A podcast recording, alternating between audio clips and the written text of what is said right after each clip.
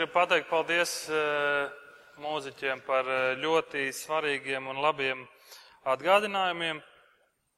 Un, un tad, kad mēs dziedājam šo dziesmu, uh, mans glābējs dzīvs. Un tad es iedomājos, iedomājieties to, to momentu, kad sievas iet uz kapu un ierauga, ka kaps ir tukšs. Un, un varbūt vēl ne tieši tas sākotnējais moments, bet pēc tam, kad viņām tiek pateikts, Jēzus ir augšām cēlies. Mans glābējs ir dzīves. Iedomājieties, kādas, cik labas ziņas tās ir. Jēzus ir dzīves. Kāpēc viņš ir dzīves? Tāpēc, ka viņam ir vara pār to. Tāpēc, ka viņš ir Dievs. Un, un tas ir tas, ko mēs arī Vīlandes draudzē sludinām. Mēs sludinām Jēzu Kristu, kuram, kurš ir kristietības centrālā persona. Mēs sludinām Jēzu, kurš ir vēstures centrālā persona. Jo pasaule caur viņu ir radusies Jāņa 1.10. Un Jāņa 1.17 saka, ka, ka žēlastība un patiesība nākusi caur Jēzu. Bauslība caur mūzu, bet žēlastība un patiesība caur Jēzu Kristu. Un tāpēc mēs vairākas svētdienas jau domājam par Jēzus varu. Mēs domājam par Jēzus varu. Kas tad ir šis Jēzus, šī, šis cilvēks, šī persona un daudz vairāk? Kāda vara viņam ir? Un mēs esam redzējuši viņa varu pār miesu, viņa varu pār dabu, viņa varu pār garu pasauli. Un man uzreiz gribētos jautāt, ko tas tavā dzīvē ir mainījis? ka tu esi dzirdējis. Jēzum ir vara pār miesu, Jēzum ir vara pār dabu, ūdens viņam klausa, viņš staigā pa ūdens virsmu. Varbūt kāds no jums ir mēģinājis staigāt pa ūdens virsmu. Varbūt kāds nē. Bet, bet ko tas maina tavā dzīvē, ka tu zini, Jēzum ir vara pār to visu? Un ko tas vispār nozīmē, ka viņam ir vara? Tas nozīmē neko citu kā vien atnāk uz šo pasauli ķēniņš. Un tas ir tas, ko Matejs arī raksta, ko viņš grib parādīt. Ķēniņš ir atnācis uz, uz šo pasauli, un vienīgais patiesais ķēniņu ķēniņš, autentiskais ķēniņš. Un viņam ir vara. Un tad, kad viņš kaut ko saka, tas arī notiek. Ja ķēniņš saka vārdu, ķēniņš saka pavēli, tas arī notiek. Šodien mēs domāsim par Jēzus, par Jēzus varu. Mēs turpinām mūsu sēriju, un Jēzus vara pār grēku. Un es gribu, ka mēs ieklausāmies Dieva vārdā Mateja evaņģēlija 9. nodaļas 1-8 panti. Mateja evaņģēlijas 9. nodaļa 1-8 panti. Tad Jēzus iekāpis laivā, pārcēlās pāri un nonāca savā pilsētā un redzi, tie atnesa pie viņa kādu paralizēto, kas gulēja gultā. Un Jēzus viņu ticību redzēdams sacīja paralizētajam: Esi drošs, dēls, tavi grēki tev piedoti. Tad kādu no rakstu mācītājiem pie sevis sacīja: Šis zaimo! Jēzus viņu domas noprastams sacīja: Kādēļ jūs domājat ļaunu savās sirdīs? Kas ir vieglāk sacīt, tev tavi grēki piedoti, vai sacīt, cēlies un staigā? Bet lai jūs zinātu, ka cilvēka dēlam ir vara virs zemes grēkus piedot, un viņš sacīja paralizētiem: celies, ņem savu gultu un ej uz mājām. Un tas piecēlies, gāja uz mājām. Ļaužu pūlis to redzēdams, izbijās un slavēja Dievu, kas devis tādu varu cilvēkiem. Lūksim Dievu. Debes Tēvs, paldies Tev par šo svētdienu. Paldies, ka mēs varam sanākt kaut vai tādā skaitā, un mēs šodien gribam klausīties, ko Tavs vārds grib mums teikt.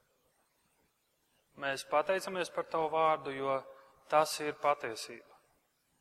Tavs vārds ir kā apusējs griezīgs zobens, kurš pāršķeļ uz pusi un, uh, un liek mums saprast un liek mums ieraudzīt. Un mēs pateicamies par tavu garu, kurš mums to atklāja. Jo kā gan mēs citādāk saprast? Un mēs lūdzam runā uz mums šodien, ka mēs no baznīcas aizietu priecīgi, iedrošināti, bet nevis bēdīgi un varbūt vīlušies. Ka mēs esam iedrošināti tajā, ko tu dari, tajā, ko tu mums piedāvā un tajā, ko tu esi paveicis. Es Kristu, mēs pateicamies par šo dienu un mēs lūdzam svētī šīs pārdomas un svētī savu vārdu. Tavā vārdā. Āmen. Es lasīju pirms kāda laika kādu, patiesībā dzirdēju kādu, kādu stāstu, kāds misionārs un arī pasniedzējs uni universitātē. Viņš tika misionārs no Austrālijas, tika uzaicināts uz Ameriku runāt kādā konferencē. Un, un, un aizbrauc un konference ir diezgan iespaidīga un liela un daudz cilvēku sanāk, nu kā jau Amerikā un konferences. Un tūkstošiem cilvēki un, un viņš ir viens no galvenajiem runātājiem tur un viņš runā un viņš runā par misiju un to nozīmi, cik svarīgi iet un darīt par mācekļiem un, un cik svarīgi ir būt drosmīgiem iet un sludināt citiem. Un tad, kad eh, šī konference ir beigusies, pie viņa pienāk kāds, kāds vīrs un saka, Klau, man ļoti uzrunāja tas, ko tu teici, un, un, un tu ļoti uh, skaisti runāji, un tas mani aizskāra.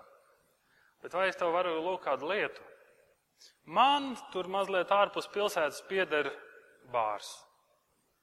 Un uh, vai tu varētu atbraukt man līdzi un sludināt šajā bārā?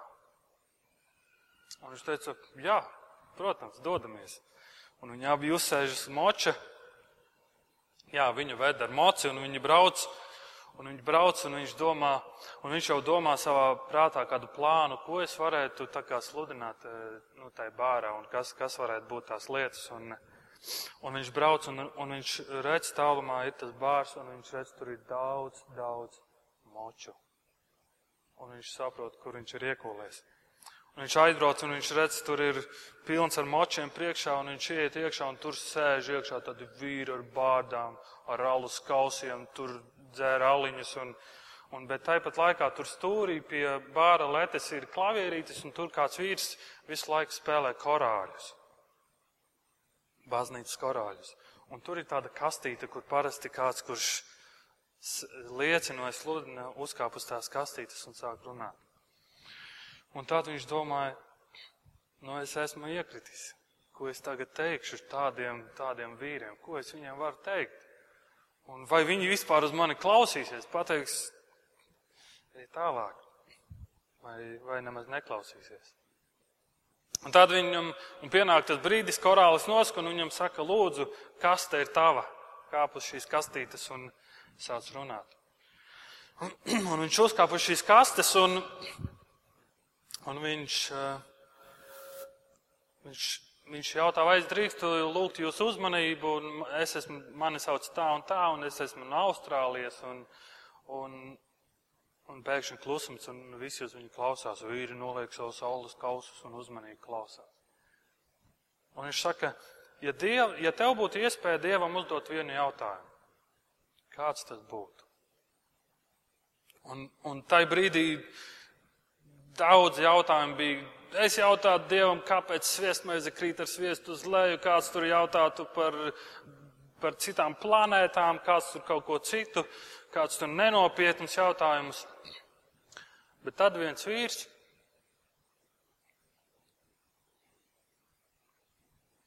jautā šādu jautājumu. Es Dievam jautāju,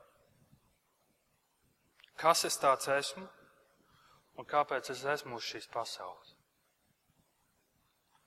Kas es tāds esmu un kāpēc es esmu uz šīs pasaules? Kāpēc es stāstu šo stāstu? Tāpēc, ka es gribu šo jautājumu, ko šis vīrs bārā ir uzdevis, mazliet pavirzīt tālāk un uzdot kādu svarīgu jautājumu, skatoties mūsu šodienas tekstā. Un jautājums būtu tāds, kāpēc Jēzus Kristus ir nācis un ko viņš ir nācis šeit paveikt? Ko tad Jēzus Kristus ir nācis paveikt uz šīs pasaules? Kas tad ir tas mērķis, kāpēc viņš nāca? Un es domāju, ka Jēzus noteikti grib, lai mēs to saprotam. Viņš grib, lai mēs zinām, kas viņš ir vai nē. Viņš skaidri mācekļiem vienmēr jautā, vienmēr atgādina, vienmēr rāda ar piemēriem, lai viņi skaidri saprastu, kas tad es esmu, kāpēc es esmu nācis. Un tad ir viens brīdis, Jēzus mācekļiem jautā, ko cilvēks saka par mani, kas es esmu. Ko cilvēks saka, kas es esmu? Un cits saka, tu ēlija atnācis vai cits tur pravietis, un, un tad viņš saka, bet ko jūs sakat par mani? Kas es esmu? Un Jēzus ļoti skaidri grib, lai mums ir šī skaidrība, kāpēc viņš ir nācis un ko viņš ir paveicis. Šodien cilvēki domā, ka Kristus ir nācis, lai mums dotu labklājību un labu dzīvi. Daudz tā domā. Jā, tev, un daudz arī tā sludina un saka, tev vajadzīgs Kristus, un tad tev viss dzīvē būs labi. Tad tev nebūs nekāda problēma. Citi uzskata, jā, Jēzus bija labs skolotājs. Es atceros, esot Izrēlā, mums bija tāds jūdu gids, gids, kurš bija jūds. Un viņam tikai jautāts šis jautājums, kā tas ir iespējams, ka tu, ka tu netici Jēzum? Un, un viņš teica, tu zini, man patīk ideja par Jēzu, man patīk tās idejas, ko viņš saka, bet vai es viņam ticu kā Dieva dēlam? Nē.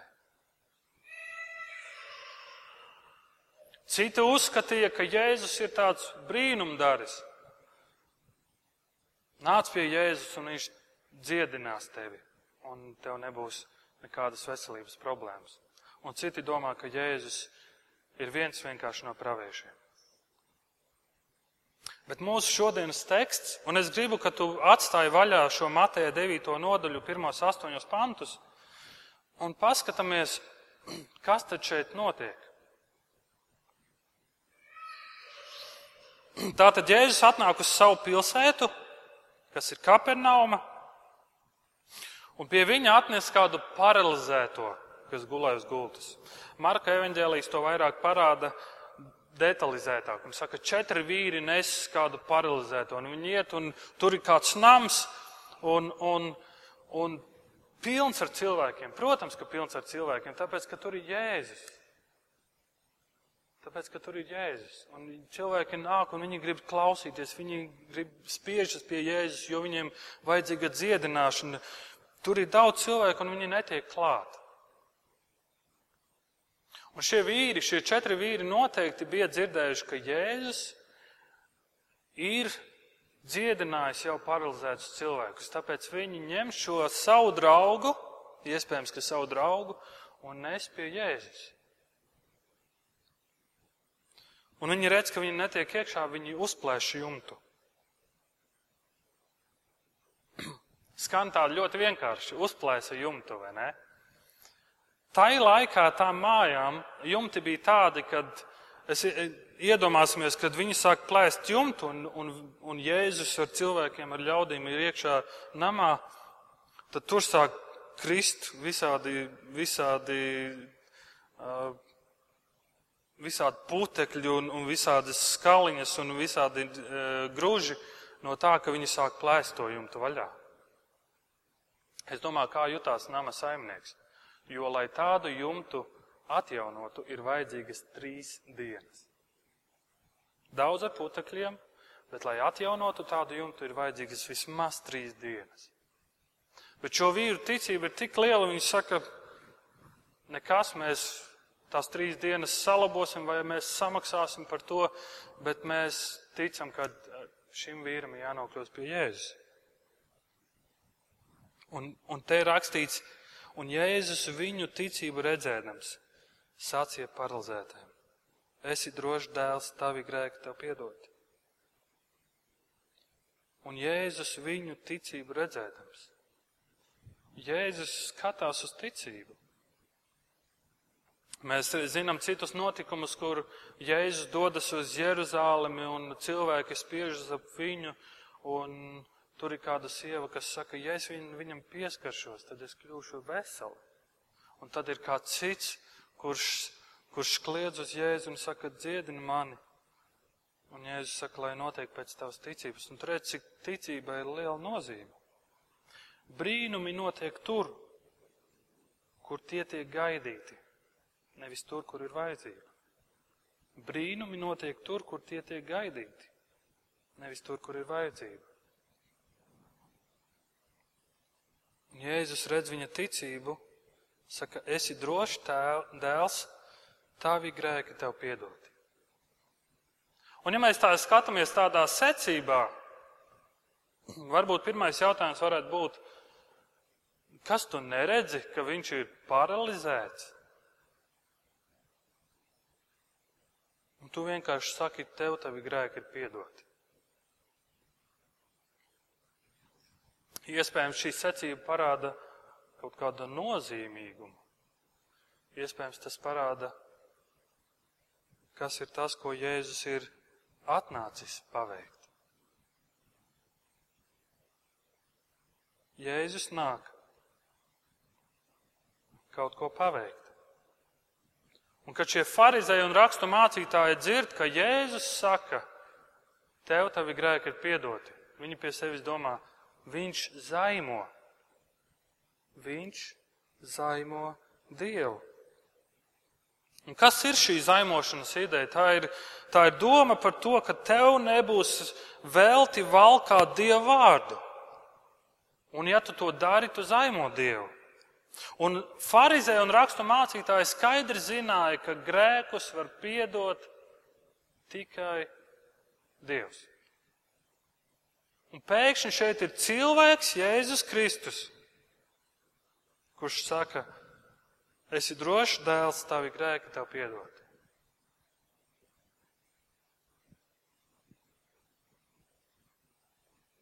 Pārsteigums, šoks.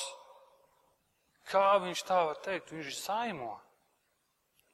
Viņš zaimo. Un šī piedošana šodien mums ir vajadzīga ikvienam. Un ja mēs skatāmies šai pasaulē, mēs redzam to, kāda ir šī pasaule šodien. Lasot ziņas un, un, un neejot nekur tālu, tepat Latvijā, mēs redzam, ka, un sākot ar sevi, mēs redzam, ka tā piedošana mums ir vajadzīga. Man ir vajadzīgs glābējs. Un Jēzus nav nācis nest mieru, Mieru, un, jo miera nav šai pasaulē šodien, jo laiks vēl nav pienācis. Viņš nav nācis, lai paņemtu visas sāpes un asaras un slimības, jo vēl nav pienācis īstais laiks. Jūs atcerieties, pirms divām svētdienām mēs domājam par dēmonu apsēstajiem, kad Jēzus nāk pie šiem dēmonu apsēstajiem, ko viņi kliedz. Kas mums ar tevi? Tu esi atnācis mūsu pirms laika, pirms laika iznīcināt. Un viņi zina, ka būs laiks, kad Jēzus nāks kā valdnieks, kā soģis, kā tiesnesis, kurš iemetīs viņus galējā tumsībā. Un mēs redzam, ka laiks vēl nav pienācis, bet ir pienācis kaut kam citam laiks, kaut kam ļoti svarīgam. Ir pienācis laiks grēku piedošanai. Tāpēc Dievs nāk uz šo pasauli pirms laika, lai nestu žēlastību un piedošanu. Tu jautāsi, ko Jēzus ir nācis šeit paveikt, ko Jēzus nācis darīt. Viņš ir nācis piedot grēkus. Un lūk, Jēzus vara, un viņam ir vara pār to, jo viņš ir Dievs. Un tāpēc viņš droši saka, dēls, tavi grēki tev ir piedoti. Tavi grēki tev ir piedoti.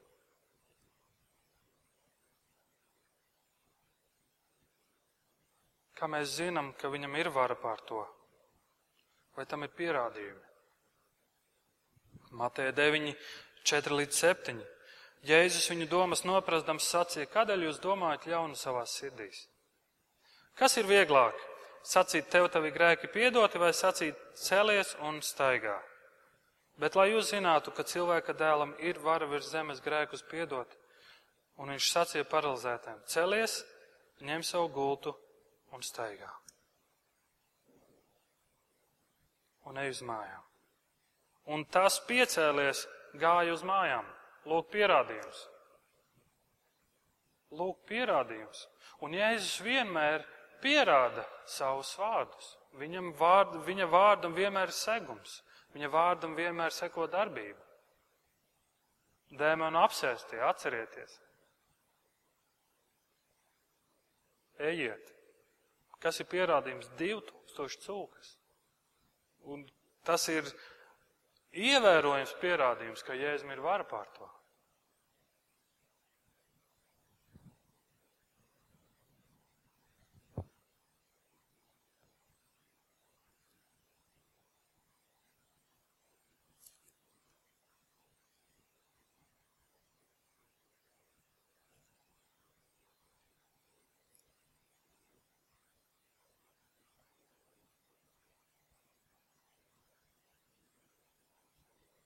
Mateja 11. nodaļa, 2. līdz 6. pants.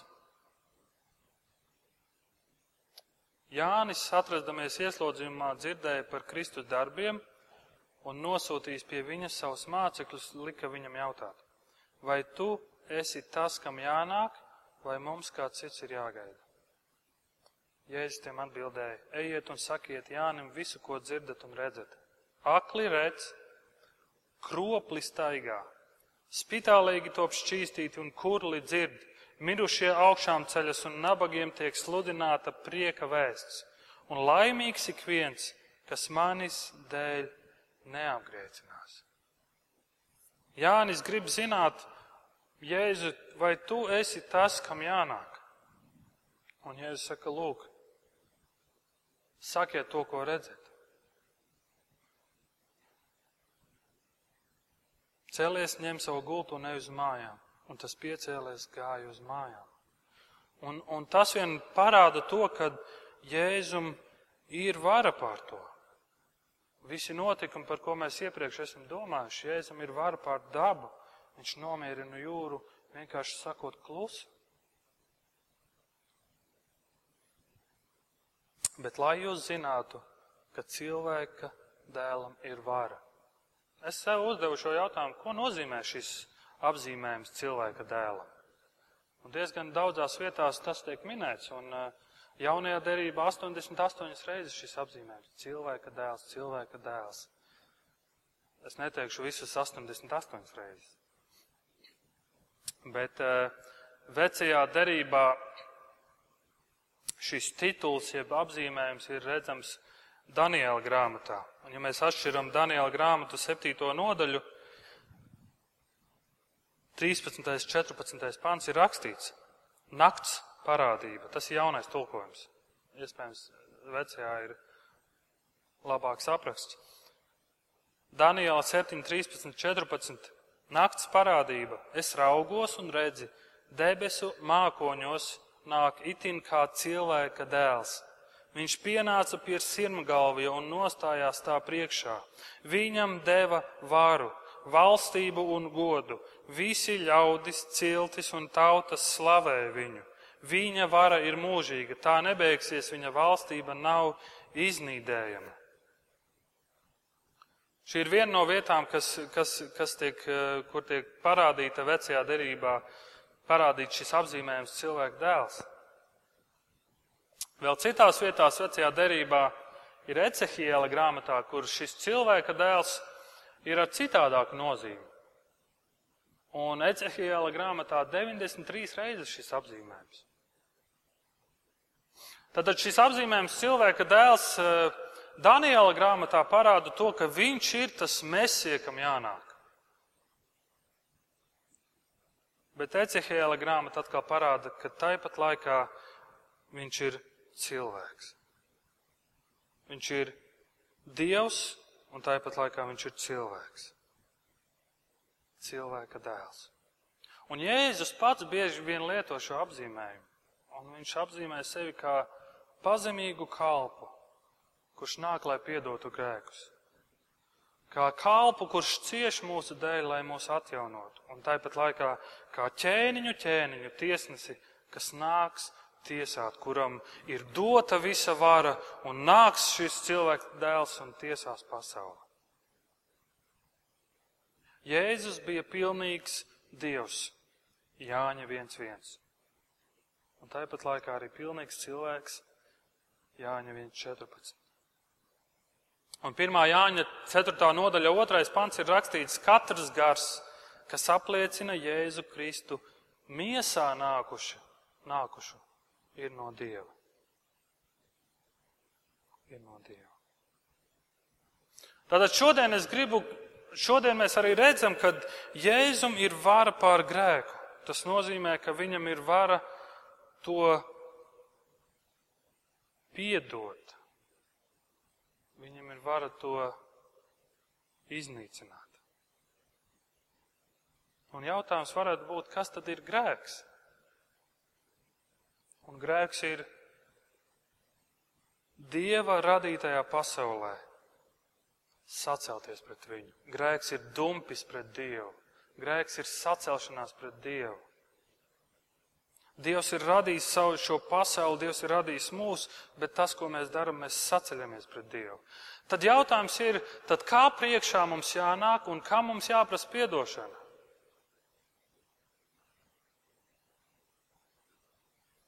Dievam, vai ne?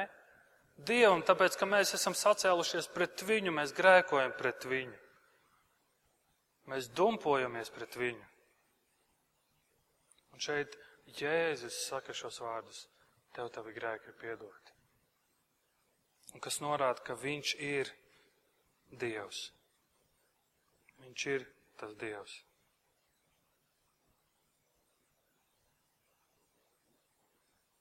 Piektais pants. Kas ir vieglāk? Sacīt, tev tavi grēki piedoti, vai sacīt, celies un staigā? Kā jums šķiet, kas ir vieglāk? sacīt, tev tevi grēki piedoti, vai sacīt, celies un staigā. Jā, varbūt cilvēkam, kurš ir vesels, nebūtu grūti teikt, celies un staigā, vai ne? Tad jautājums, vai viņš man paklausītu vai nē. Kas ir vieglāk? Ko ir vieglāk teikt? Ko tu teiktu? Mateja 8. nodaļa 20. pants. Jēzus sacīja, lapsām ir alas un debesu putniem līgzdas, bet cilvēka dēlam nav, kur galva nolikt. Ar šiem vārdiem Jēzus saka, ka man pat nav tādas, ka viņš pats ir atteicies no tādām dzīvnieku tiesībām, ka viņam nav, kur savu galvu nolikt. Jēzus ir atteicies no visa. Viņš ir atteicies no visa un no visām tiesībām, un viņš nācis, lai uz viņu spļautu, lai viņu sodītu, lai viņu apmelotu, lai viņu noliektu, lai viņu sistu, lai viņš uzņemtos dieva dusmas, lai viņš tiktu nodots un lai mirtu. Un tas viss, lai piedotu grēkus. Kā tu domā, Jēzum, viegli ir teikt, tev tevi grēki ir piedoti? Zinot visu, kas ir zem šiem vārdiem, kas ir šīs ciešanas, kas viņam ir, kas viņam bija jāuzņemas. Tas viņam kaut ko maksāja. Lūk, kāpēc Jēzus nāk uz šo pasauli. Lūk, uz ko viņš fokusē savu varu, lūk, uz ko viņš koncentrējas. Grēku piedošana, glābšana no mūsu grēkiem. Tad jautājums būtu, uz ko mums būtu jāfokusējas, uz ko mums būtu jākoncentrējas, ka mēs dzīvojam savu kristiešu dzīvi un kalpojam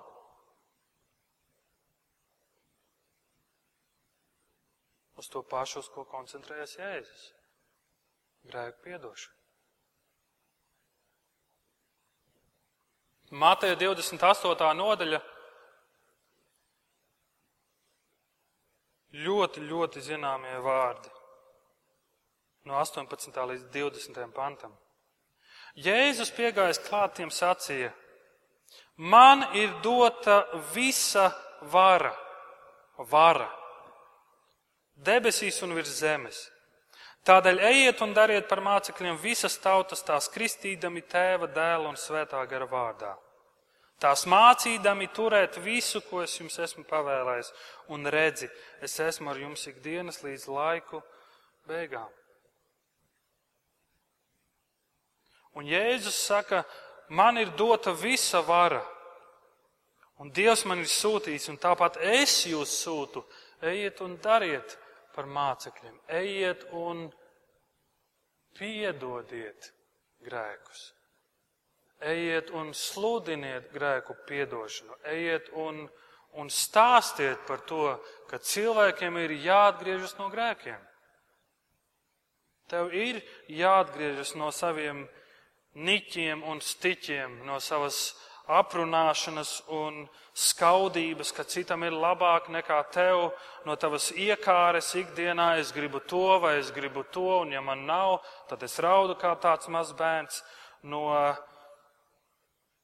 dzīves lepnības. No dzīves lepnības. Un mēs skatāmies apkārt, tad visapkārt tas ir dzīves lepnība. Ko tu darīsi? Tu klusēsi. Un ko Jēzus aicina mūs darīt? Viņš saka, visa vara dot man, tāpēc es jūs sūtu. Šodien mēs varam būt pateicīgi Dievam par to, ka mēs šodien, es gribu ticēt, ka šodien mēs varam būt droši, ka Dievs ir piedējis mūsu grēkus, vai ne? Un tagad visi man varētu pamāt ar galvu jā, un, un, un mēs varam Dievam par to būt pateicīgi par to, ko viņš ir darījis. Un Markus sākumā lasīja šo lasījumu, šo notikumu, kur ir mīlestība ar mācekļiem. Un Jēzus mazgā mācekļu kājas un šī saruna ar Pēteri. Un starp citu, ja jūs gribat vairāk šo, šo rakstu sādaļu, rakstu vietu, vairāk iedziļināties tajā, tad uh, Vīlandes mājaslapā pirms diviem gadiem tika pievienots, uh, pievienota svētruna, ko teica Ilmārs Hiršs. Un mums, un mums jābūt pateicīgiem, ka mums grēki ir piedoti, bet jautājums ir, vai šodien joprojām man ir vajadzīga grēku piedošana? Vai man kā kristietim, kurš ir saņēmis piedošanu, šodien joprojām vajadzīga grēku piedošana?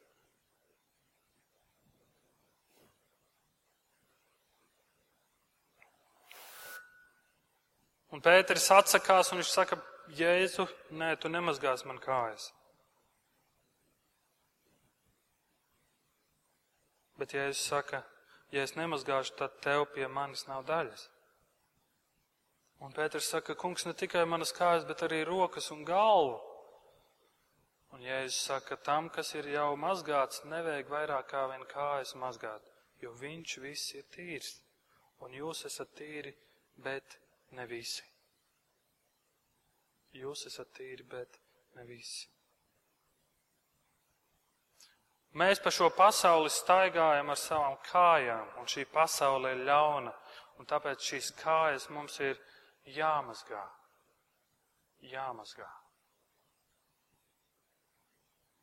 Jāmazgā ikdienas, un mums Jēzum ikdienas jālūdz, lai Jēzus nāk un mazgā mūsu kājas.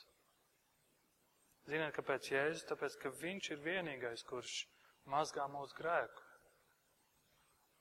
Viņš ir vienīgais. Un, un, un vēl vairāk, un viņš saka, es jums esmu atstājis piemēru. Un ja tu redzi, ka cits brālis vai māsa grēko, ko tu, tu darīsi? prieks. Oh. Es redzēju, kā Anna grēko. Uh. Nē, draugi, es neredzēju. Tas bija piemērs.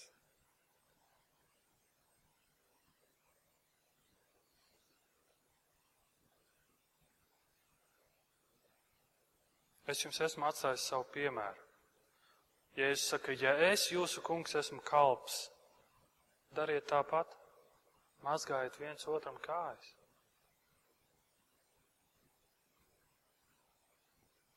Norādiet viens otram.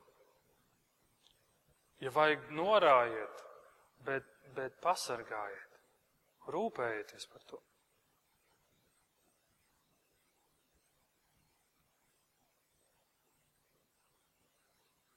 Mums joprojām ir vajadzīga kāju mazgāšana, jo mēs joprojām grēkojam.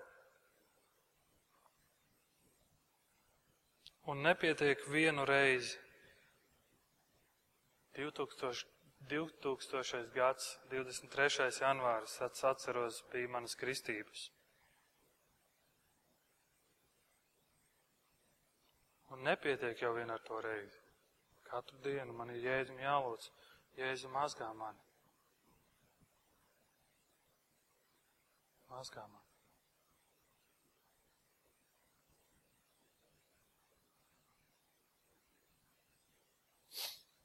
Bet lai jūs zinātu, ka cilvēka dēlam ir vara virs zemes grēkus piedot, viņš teica, celies, ņem savu gultu un ne uz mājām. Tas piecēlēs gāja uz mājām. Ļaužu pūlis to redzēdams izbijās un slavēja Dievu kas devis tādu varu cilvēkiem. Ļaudis to redzēdami slavēja Dievu. Slavēja Dievu, jo viņi redz, ko Jēzus ir paveicis. Jo viņi redz. Un tas ir Jēzum tikai iespējams. Piedot grēkus.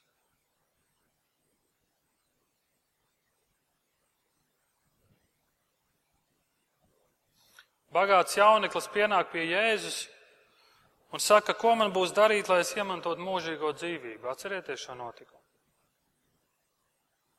Un Jēzus saka, vai tu zini baušļus, vai tu tos turi? Jā, es esmu no savas bērnības turējis. Un Jēzus saka, vienas lietas tev trūkst, tu esi bagāts, izdeli savu mantu nabagiem. Viņš kļūst bēdīgs un viņš aiziet prom, jo viņš ir bagāts. Un, un tad Jēzus saka šos vārdus grūti bagātam būs iet debes valstībā. Un mācekļi pie sevis domā, bet, bet, bet kurš tad iekļūst debes valstībā? Un Jēzus saka, kas nav iespējams cilvēkiem, ir iespējams Dievam. Un uzreiz nākamā nodaļā mēs redzam, Jēzus iet ar saviem mācekļiem, un viņi iet, un kokā iekāp kas? Caķējs. Vēl viens bagāts cilvēks, vēl viens bagāts vīrs. Un kas notiek ar? Un, ja es saku, caķēju kā plējā, es iešu tavā namā, es iešu pie tevis maltīti baudīt. Un viņš iet pie caķēja, un caķējs saka, es divkārši atmaksāšu, un, un visiem, kurus es, kur, no, kur, no kuriem esmu izkrāpis, es četreiz atmaksāšu. Un ja es saku, pestīšana ir notikusi šodien šim namam. Divi bagāti cilvēki. Un vienā jauneklis aiziet bēdīgs un, un mācekļi jautā, bet kurš tad var tikt izglābts? Kā? Un ja es saku, ne cilvēkam, bet Dievam tas ir iespējams. Un uzreiz nākamā nodaļa mēs redzam vēl viens bagāts cilvēks. Un notiek piedošana, notiek pestīšana tam namam. Kas nav iespējams cilvēkam, ir iespējams Dievam. Jēzus nāk, lai piedotu grēkus. Jēzus nāk, lai piedotu grēkus. Jo tikai viņam tas ir iespējams, jo viņš ir Dievs. Jo mēs grēkojam pret viņu, mēs saceļamies pret viņu. Un tāpēc šodien ir īstais laiks. Šodien ir tā žēlstības diena, kad mēs varam atkal nākt pie viņa un teikt, mans kungs, piedod man. Šodien ir tā diena, kad tu vari spērt šo paklausības soli un mainīt savu dzīves virzienu pretī Dievam. At, atzīt un nožēlot savu dumpošanos un lūgt, meklēt un klauvēt. Neapstājies, lūdzu, meklē un klauvē. Ļaužu pūlis redzēdami, ko Jēzus izdarīja, izbijās un slavēja Dievu. Un es gribēju teikt, pareiza reakcija - bīties Dievu. Bīties Dievu ir ļoti pareiza reakcija. Un mēs e, tur, kur mēs lasām kaut kādus notikumus, ka, ka, ka Jēzus dara brīnumu, jūra nomier, tiek nomierināta, mācekļi ir izbijušies, jo viņi ierauga kaut ko tādu, un viņi saprot, kas ir Jēzus. Citās vietās, kad kāds eņģelis vai, vai dievs stājas kādu priekšā, viņš nokrīt kā pamiris, jo viņš ir izbijies.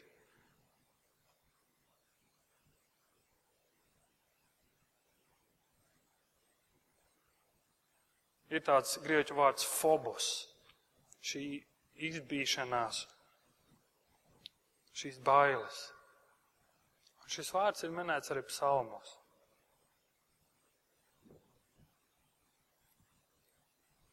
Ja jūs atšķirsiet 111. psalmu ar mani kopā.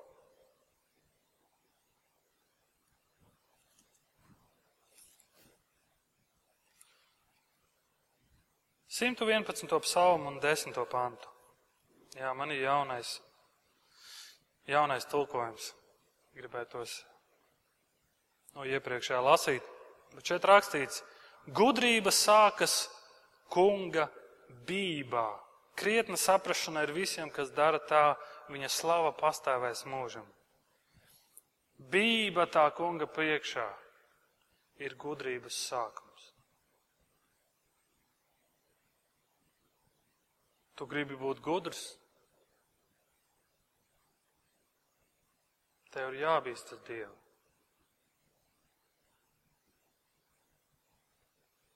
Tev ir Es domāju, šī bība nav tikai cieņa. Jā, es cienu Dievu, es cienu tavus rakstus, bet tev ir jābīstas, jābīstas viņa priekšā, jāzemojas viņa priekšā, jāatzīst, ka, ja tavi grēki netiks nolīdzināti, tad tā ir pazušana.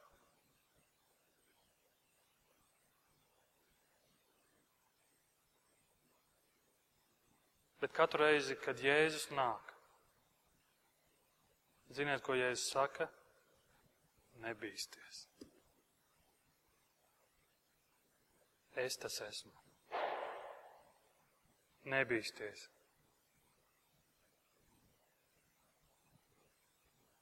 Es esmu tavs glābējs.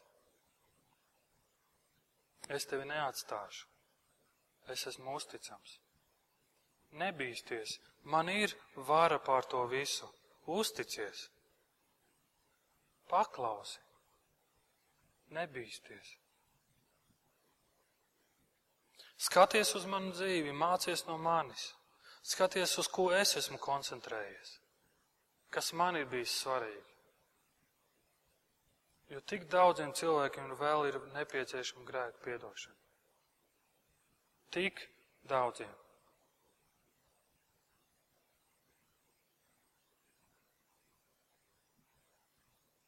Vīlans mājas lapā, ja jūs esat ievērojuši, ir citāti. Es izrakstīju kādu citātu. Jēzus Kristus neatnāca uz šo pasauli, lai sliktus cilvēkus padarītu labus. Viņš atnāca uz šo pasauli, lai mirušus cilvēkus padarītu dzīvus.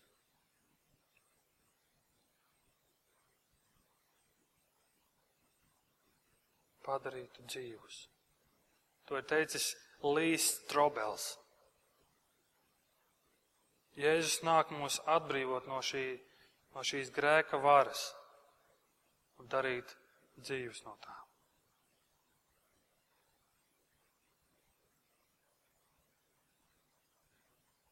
Lūksim Dievu.